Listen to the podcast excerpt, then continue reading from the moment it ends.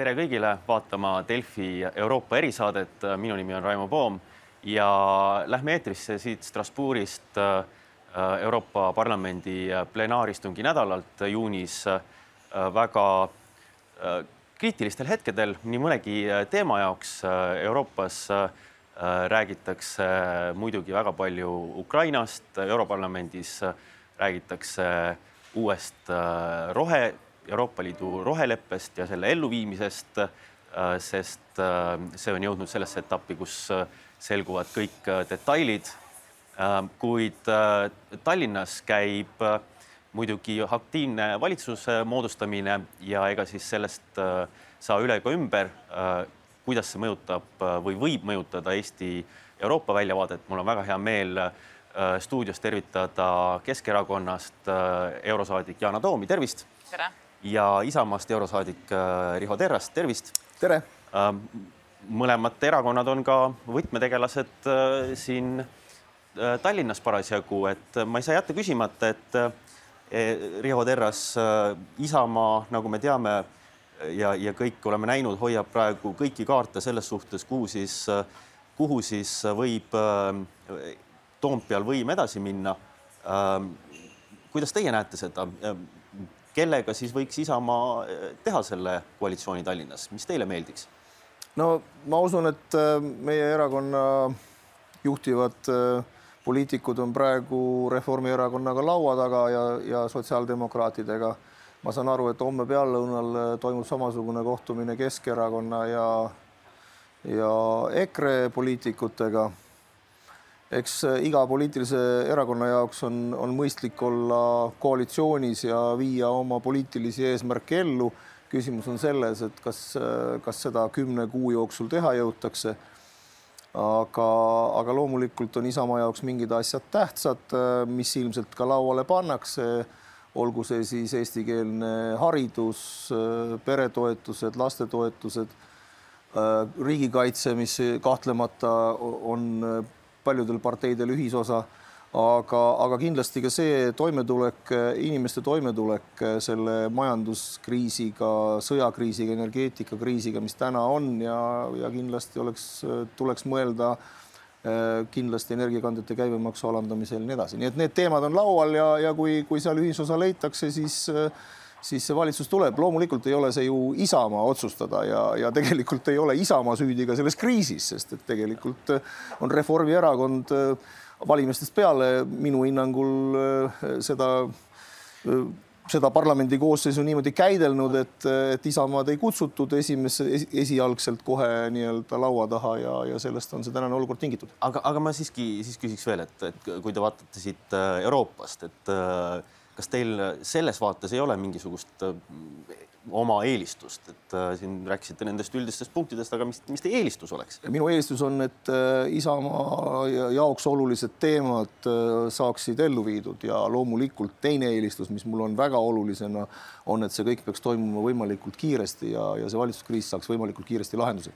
Yana Toom, Keskerakonnal on, on Tallinnas üks Äh, ettepanek tehtud ehk siis äh, EKRE-le ja, ja, ja Isamaale selles mõttes äh, teil ei ole nii rasket valikut, kus ei saa nagu ära otsustada nagu, nagu ähm, Riho Terrasel ähm,. ent siiski ähm, noh, näiteks on EKRE juba öelnud, et jah, me tuleme küll äh, läbi rääkima, aga me tahame peaministri kohta saada äh,. kuidas paistaks äh, Martin Helme Eesti peaministrina just siia äh, Brüsseli poole? Äh, muidugi Eesti Keskerakond tahaks olla koalitsioonis, aga mitte iga hinnaga ja kindlasti Keskerakond ei osale sellise valitsuse moodustamisel, mis muudab meie väljavaateid Euroopa poole pealt. nii et see äh, ilmselt ei tule ikka kõne alla. Te olite siis, kui moodustati äh, peale kaks tuhat üheksateist valimisi üsna kriitiline selle koalitsiooni osas, kuhu Keskerakond siis esialgu läks koos EKRE ja, ja Isamaaga, et, ähm, et kas, kas äh, nüüd tehti samasuguse koalitsiooni taastamise ettepanek äh, Jüri Ratase poolt ja Keskerakonna juhatuse poolt, et kas teie kriitika on lahtunud? no oleks muidugi tore, kui oleks ühel erakonnal viiskümmend üks koht Riigikogus, siis poleks üldse nagu midagi arutada, on ju. EKRE seda täna ei ole, seda täna ei ole meil, aga seda ei ole ka Reformierakonnal. et eks ma olen pettunud selles, kuidas Reformierakond käitus, neil on muidugi meile üksjagu etteheiteid, aga see on päris vastastikune selline asi. ja täna on muidugi ühiskonnas teema number üks ikkagi inimeste toimetulek, mis on kuidagi nagu unarusse jäetud valitsuse poolt, tähendab selle nii-öelda vanema partneri poolt.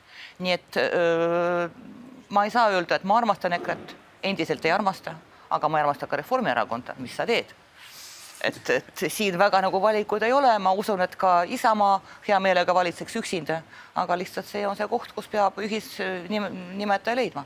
aga ma olen kindel, et äh, oluline on see, et sellistel, äh, sellistel läbirääkimistel peab olema võimalik ka üksteisele vastu tulla ja natukene oma kindlatest kõvadest positsioonidest loobuda, ehk et äh, kokkuleppekunst on ta siis siin Europarlamendis või, või Eesti poliitikas on täpselt sama oluline ma, ma siiski pean uurima seda ka, et, et noh, Martin Helme on öelnud, et kui Keskerakonna ja Isamaaga koalitsioon teha, siis ta tahaks saada peaministri kohta, et, et äh, kuidas see Euroopas ja nii-öelda Eesti välissuhtlusele välja paistaks, on ju EKRE ja EKRE liidrid olnud siin kriitilised äh, küll äh, NATO suhtes, äh, USA liitlaste suhtes, nad pole sellest kuskile loobunud. ma usun, et äh, need läbi, läbirääkimised toovad Eesti jaoks parima lahenduse Ähm, aga äh, lähme edasi äh, Euroopa teemadega selles mõttes, et kõige-kõige rohkem äh, ikkagi tuntakse muret ja see on olnud siin juba kolm, kolm ja pluss kuud, üle saja päeva sellest, kuidas Ukraina hakkama saab, vastu peab ja nii edasi. ma tahaks meenutada seda, et, et kui Euroopa erisaade oli eetris eelmise aasta lõpus ja Riho Terras oli ka siin külaline, siis Riho Terras kõige täpsemalt ja väga kindlas kõneviisis ennustas, et et see sõda tuleb, äh, mida paljud sel hetkel ei uskunud. Äh, ma tahaks äh, küsida hoopis niipidi, et, et kui nüüd vaat, oled vaadanud seda sõja käiku, siis kas sa oskaksid öelda midagi selle kohta, millal see sõda võiks lõppeda hmm.? ma nüüd selle ennustamisega oleks nüüd väga ettevaatlik, sest et selle nädala alguses Vikerraadios ma ennustasin, et Venemaa ründab Ukraina viljavarusid ja täna öösel toimus suuruselt teise viljahoidlale rünnak, et ma, ma tundun nüüd endale juba natuke nagu Igor Mangina, eks ju. Et ma ei, ma ei oska ennustada, ma ütlen, et praegu on olukord selline, kus sõda, sõjaolukord ei liigu, et on olemas, on selline patiseis jõudusid ukrainlastel ei ole piisavalt, et olukorda muuta. Vene väed ei suuda teha olulisi edasiminekuid. võitlusmoraal Vene poolel on nõrk, ukrainlastel jälle selle võrra vähem relvi ehk et selline kohal tammumine, ma arvan, et mõlemad oleksid praegu vaherahuks, nagu öeldakse, valmis aga rahu saab tulla ainult siis, kui üks pool enam üldse ei suuda. Ja Ukraina ei ole nõus täna nii-öelda mingit rahulepet sõlmima, ehkki eh, mitmed hääled Euroopast kõlavad selles suunas, et lõpetage see ära, et eh, lepime sellega, et Venemaa on saanud endale kakskümmend viis protsenti territooriumist ja ja laheneb ära. nii et äh, väga palju oleneb sellest, mida äh,, mida Euroopa riigid oma relvastuse tarnetega või ütleme, lääne meelsed riigid üldse, nelikümmend riiki kokku, oma relvastuse tarnetega Ukrainale saavutavad. mida rohkem Ukraina saab moodsaid relvi, seda raskem on Venemaal Ukraina äh, nii-öelda Ukrainat võita ja võib tekkida olukord, kus Vene hakkab, Ukraina hakkab territooriumi tagasi võtma. Mm.. Yana Toom, kuidas sellega on, et, et kas see ka Euroopa Liidu äh, relvaabi on piisav? Või kui Riho Terras rääkis siin sellest patiseisust ja, ja mõnedest üleskutsetest, et, et hakata rahu peale mõtlema, siis siis äh, noh, me teame, et, et on neid äh, Euroopa liidreidki nagu äh, Emmanuel Macron, Prantsuse president ja ka Saksamaa liidukantsler, kes, kes peavad jätkuvalt sidet ka Putiniga ja, ja proovivad seda maad seal kombata, et kas, kas see patiseisust, kumba pidi nüüd peaks minema, et kas rohkem relvi või pigem vaatama seda, et, et saaks nüüd kuidagi selle seal mingisuguse vaherahu? no esiteks ma pean ära ütlema selle, et erinevalt äh, Riho Terrasest mina panin ikka oma prognoosidega nii puusse, kui üldse võimalik, sest ma ei uskunud, et seda, seda üldse tuleb nii et minu käest prognoose küsida pole vast mõistlik ja ma annan endale selles aru, et noh, ma pole, ma pole mang ega terras. aga äh, mis puudutab äh, seda küsimust, noh, me teame kõik, et kõik sõjad varem või hiljem lõpevad ikkagi läbirääkimiste laua taga ja see üks asi on muidugi relvaressurss, millest Riho räägib, aga teine on inimressurss, mis pole ka lõpmatu Ukrainal. et küsimus olnud selles nagu, et kes need inimesed on, kes nende relvadega sõdivad. mis, mis nende nagu ressurss üleüldse on ja ma noh ma siin loen Eesti meedias, et umbes Macron helistas, ma ei tea, sada tundi rääkis Putiniga ja seal on igasugused meemid käivad, et nagu tema abikaasa küsib, et kas sa jälle helistasid talle või kõik see on naljakas, aga ma saan aru, et mingisugust dialoogi on ikkagi vaja, inimesed üritavad seda pidada, sest küsimus on praegu selles, millega see kõik lõpeb, tõesti on patiseis ja ühel hetkel nagunii kõik maanduvad laua taga. lihtsalt küsimus on, kas, millal see juhtub ja milline on see nii-öelda nullpunkt, kus me alustame neid, neid kõnelusi. ja siin mõned pakuvad praegu ennast vahendajaks ja ma ei näe siin ausalt öeldes midagi halba ja aga dialoogis on vaja kahte poolt, kes tahavad üksteisega rääkida ja antud juhul seda dialoogiks on raske nimetada, mida, mida see monoloog Putiniga, kahepoolne monoloog toimetab, nii et, et ma arvan, et see praegune rääkimine ei anna mitte midagi ja e-, eriti kui see ukrainlastele ei meeldi, et äh, iga kord, kui äh, Macron on rääkinud, siis pärast seda äh, teatab Ukraina välisminister, et see oli küll väga paha. Ja, ja me peame praegu ikkagi olema selgelt Ukraina poole peal ja, ja kahjuks seda Prantsuse presidendi käitumisest ei näe, et, et me selgelt Ukraina poole peal oleme. ka relvatarned on sellised seitse, kümme, kakskümmend kakskümmend relvasüsteemi, noh, see ei aita lahendada seda küsimust, me peame tegelikult päriselt suurendama eh, ka Euroopa relvatööstuse toodangut ja seda siis Ukrainale andma nii palju kui võimalik. Ja minu ettepanek, mis kahjuks läbi ei läinud eh, siinsamas parlamendis eh, koos paari Saksa kolleegiga tegime, et moodustada lend-lease ehk et Euroopa Kaitsefondi kasutamine ukrainlastele võimaldada selliselt, et ukrainlased ise otsustavad, mida nad ostavad nagu see Ameerika Ühendriigid teise maailmasõja ajal ja, ja ka praegu on Ameerika Ühendriikidel lend-lease'i leping. nii et, äh, et noh, midagi moodi peaks bürokraatiat vähendama, asju, relvade tarnet kiirendama. Äh, ja mis inimestesse puutub, siis Ukrainas on täna veel olukord, kus väga paljud ka minu tuttavad ütlevad, et nad pakkusid endale rindele, neile öeldi, et tulge, me kutsume teid, kui meil vaja on, ehk et neid vabatahtlikke, kes tahaksid rindele minna ja kes on välja õpetatud, on rohkem kui neid, kes praegu, kes praegu relvi saavad kasutada. no siin on väga palju etteheiteid äh, Saksamaale kõlanud ka siin majas, et nemad ei aita piisavalt, aga Saksamaa on niivõrd, ma saan aru, demilitariseerinud ennast, et -hmm. neil võib-olla väga pole nüüd seda võimekust, aga rahaliselt nad aitavad ju meeletult nii et asi pole ju ainult, ainult relvad. sakslased aitavad, küsimus on selles, et nad ei suuda ise, iseenda suhtlemist pressiga teha selliselt, et see selgeid sõnumeid välja annaks. Nad annavad erinevaid tõele. sõnumeid ja see tekitab olukorra, kus ukrainlased ei usalda neid enam. aga ma siiski tahtsin, tahtsin uurida Yana Toomilt, et, et president Macron äh, on öelnud, et noh, et see, see sõja lõpp äh, ei saa tulla sedasi, et, et Putin tunneb ennast siis äh, alandatuna või et see, teda ei peaks alandama, et, et kas teie meelest on see võimalik, et, et Putin ei, ei, ei tunneks ennast alandatuna? ma saan aru, millest Macron räägib ja ma usun, et Macron võib-olla on üks nendest Euroopa poliitikutest, kes kõige paremini tajub seda nagu Venemaa no ma, ma, ma, ma ei tea, kuidas nimetada, ma ei tea, hingeelu või mis iganes. sest mis toimub praegu, kui ma vaatan, mul on väga palju tuttavaid ja sõpru Venemaal ja ma näen nagu õudusega, et inimesed, kes mõistsid selle sõja hukka kaks kuud tagasi, enam seda ei tee. sest see öö, surve väl-, läänemaailma surve Venemaale töötab vastupidises suunas, ma mõtlen siseriiklikult, nii et ma saan nagu Macroni loogikast väga-väga hästi aru et see kõlab, ma saan aru, eestlase kõrvadele väga kuidagi nagu alandlikult, aga lihtsalt küsimus on selles, kas me hoiame seda ust lahti, kes lõpuks on need inimesed, kes istuvad selle laua taga. kui me noh, siin peab, peab ju mingi, mingisugune kanal nagu säilima mm.. nii et ma ei mõistaks Macroni absoluutselt hukka tema selle loogikaga. ma arvan, et üks asi, mis on praegu toimumas selles valdkonnas, on see, et Venemaa on alustanud väga suurt diplomaatilist rünnakut üle maailma erinevates kohtades. kõik Venemaa-meelsed jõud esitavad oma mingeid seisukohti, meil oli eile näha Euroopa Parlamendis äh, Saksa AfD esindaja rääkis täiesti Puti, Putini juttu, aga hullem veel, endine Rumeenia president äh, Euroopa Rahvaparteis hakkas rääkima äh, Venemaa alandamisest ja vähemuste, Ukraina-poolset vähem, vähemuste rõhumisest Krimmis ja, ja nii edasi, ehk et tal olid ta tuli, ta tuli äh, haiguspuhkuselt välja selleks, et anda ette mingisugune tema poole talle esitatud memo, mis oli täiesti, ei olnud üldse teemakohane selles hetkes, nii et, et tundub, et erinevates kohtades ma olen seda juba mitmes kolmes-neljas kohas kuulnud. ehk et praegu Venemaa on käivitanud diplomaatilise rünnaku enda kaitseks nii-öelda. no see on ju loogiline, me oleme sõjas ja infosõda käib samamoodi ja. igal pool, et nagu oleks väga naiivne oodata, et seda ei juhtu, on ju. ei, ma lihtsalt räägin, mis on tegelikult äh, kui siit edasi minna, siis äh, sel nädalal on Euroopa Parlamendis äh, terve rida siis nii-öelda Euroopa Parlamendi seisukohti seoses selle Euroopa Liidu rohelise ülemineku paketiga.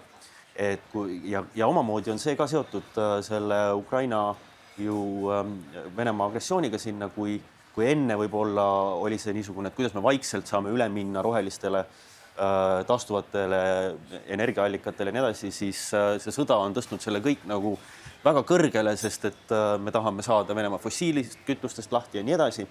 aga see on, on raske, seal on need, need kuradid peituvad, väiksed kuradid peituvad nendes detailides.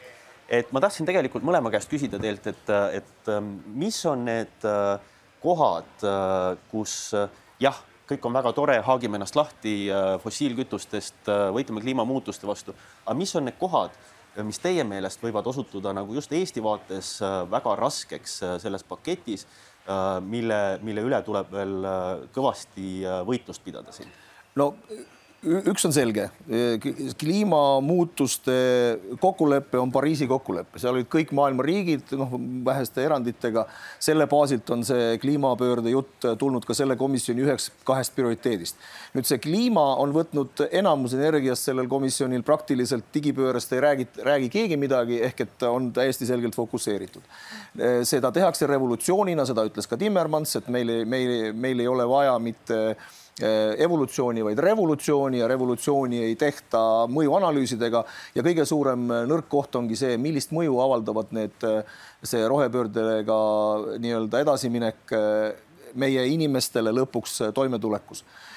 väga selge on see, et, et praegu seda Ukraina sõda või vene, venelaste rünnakut Ukrainas ja Ukrainas toimuvat sõda kasutatakse ära populistlikel põhjustel, rääkides, et lähme siis jooksuga rohepöördega edasi, samal ajal ei ole mõjuanalüüse tehtud ja tegelikult ei ole ka asendavaid tehnoloogiaid veel olemas.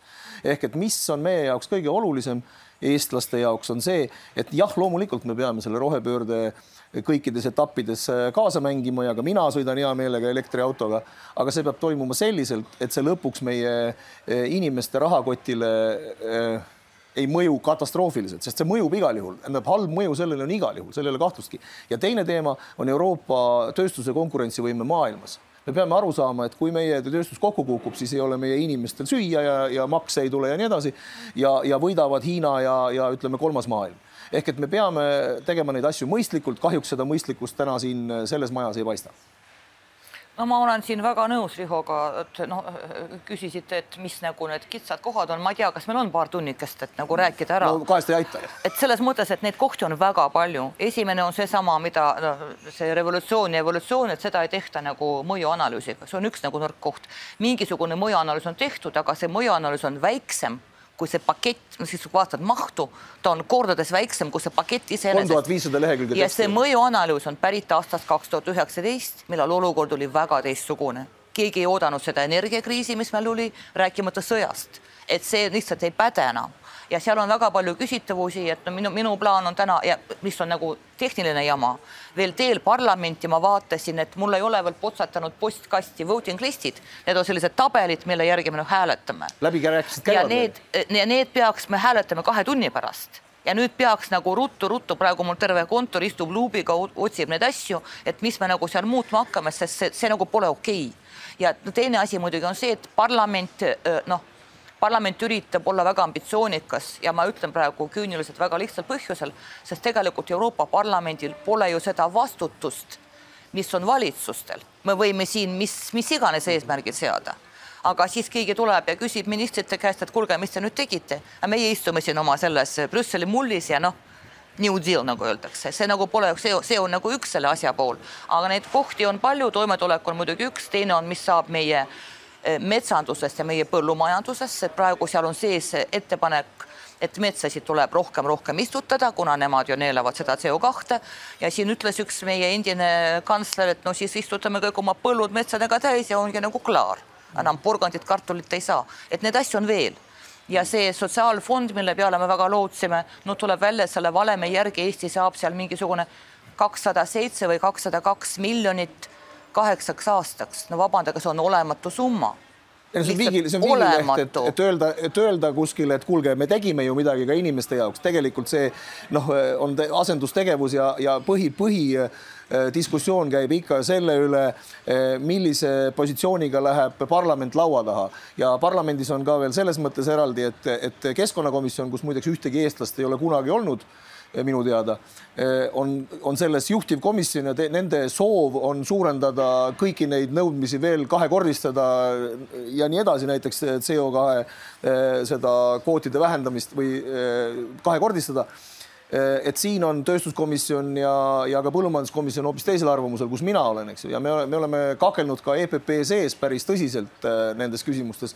aga täna on mingis jälle kord see kompromissi jutt, et täna on jälle mingisugustes kohtades tehtud mingid kompromissid. Ja kui need kompromissid läbi lähevad, siis on need ettepanekud mõistlikumad kui parlamendi algne soov kui läbi ei lähe, siis hääletatakse vastu ja siis äh, näitab äh, see parlament, et ta on roheline ja vasakpoolne, sellepärast et äh, enamus hääletusi konservatiivsed vaated kaotavad. ma näen, et saatejuht tahab juba lõpetama hakata, aga ma ikka ütlesin ühe lause vahele, see, mida Riho mainis, et ei ole ühtegi eestlast komisjonis. ma tuletan meelde, et peale valimisi mina olin see, kes ütlesin, kuulge, austatud valitsussaadikud, istume laua taga, kaardistame ära, kes kuhu läheb mille peale mulle öeldi, et noh, ei, mingit koostööd me siin ei tee. meil on kolm inimest välisasjade komisjonis. jah, ja mina võtsin kuulda väga seda. tore, noh, väga tore ja põllumajanduses, no Riho tuli, siis ta sinna läks, varem ei olnud kedagi. on asju, kus peab olema, ma loodan, et järgmine kord äkki me suudame ikkagi selle ära teha, kuigi peale valimisi kõik on üksteise peale muidugi kurjad.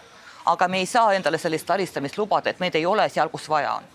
nii on jah. see on, see on äh, väga niisugune äh, oluline mõte, mida siis panna kõrva taha aastaks kaks tuhat kakskümmend neli. tuletage siis meelde nendele, kes valituks osutuvad, jah? äh, kõigile kindlasti meelde, et, et hajutage ennast rohkem siin Europarlamendis. aga parlament, vabandust, tegi ka ühe hea asja. me ikkagi saime lahti sellest, see oli Ursula von der Leyeni ja Timmermansi ettepanek oli see, et see CO2 kvootide süsteem laieneb ka majapidamistele ja selle parlament ikka tappis ära. seda ei ole veel vastu võetud, nii et. ei no see, see ei lähe läbi. ilmselt ei lähe läbi, läbi., ma olen nõus jah Äh, ühesõnaga, ma saan aru, et teil on väga palju tööd äh, vaadata, kuidapidi see läheb ja, ja ka seista siis selle eest, et, et see asi oleks äh, siiski inimestele vastuvõetav. aitäh kõigile kuulamast-vaatamast Delfi Euroopa erisaadet, oleme eetris taas varsti uute Euroopa teemadega. seniks kohtumiseni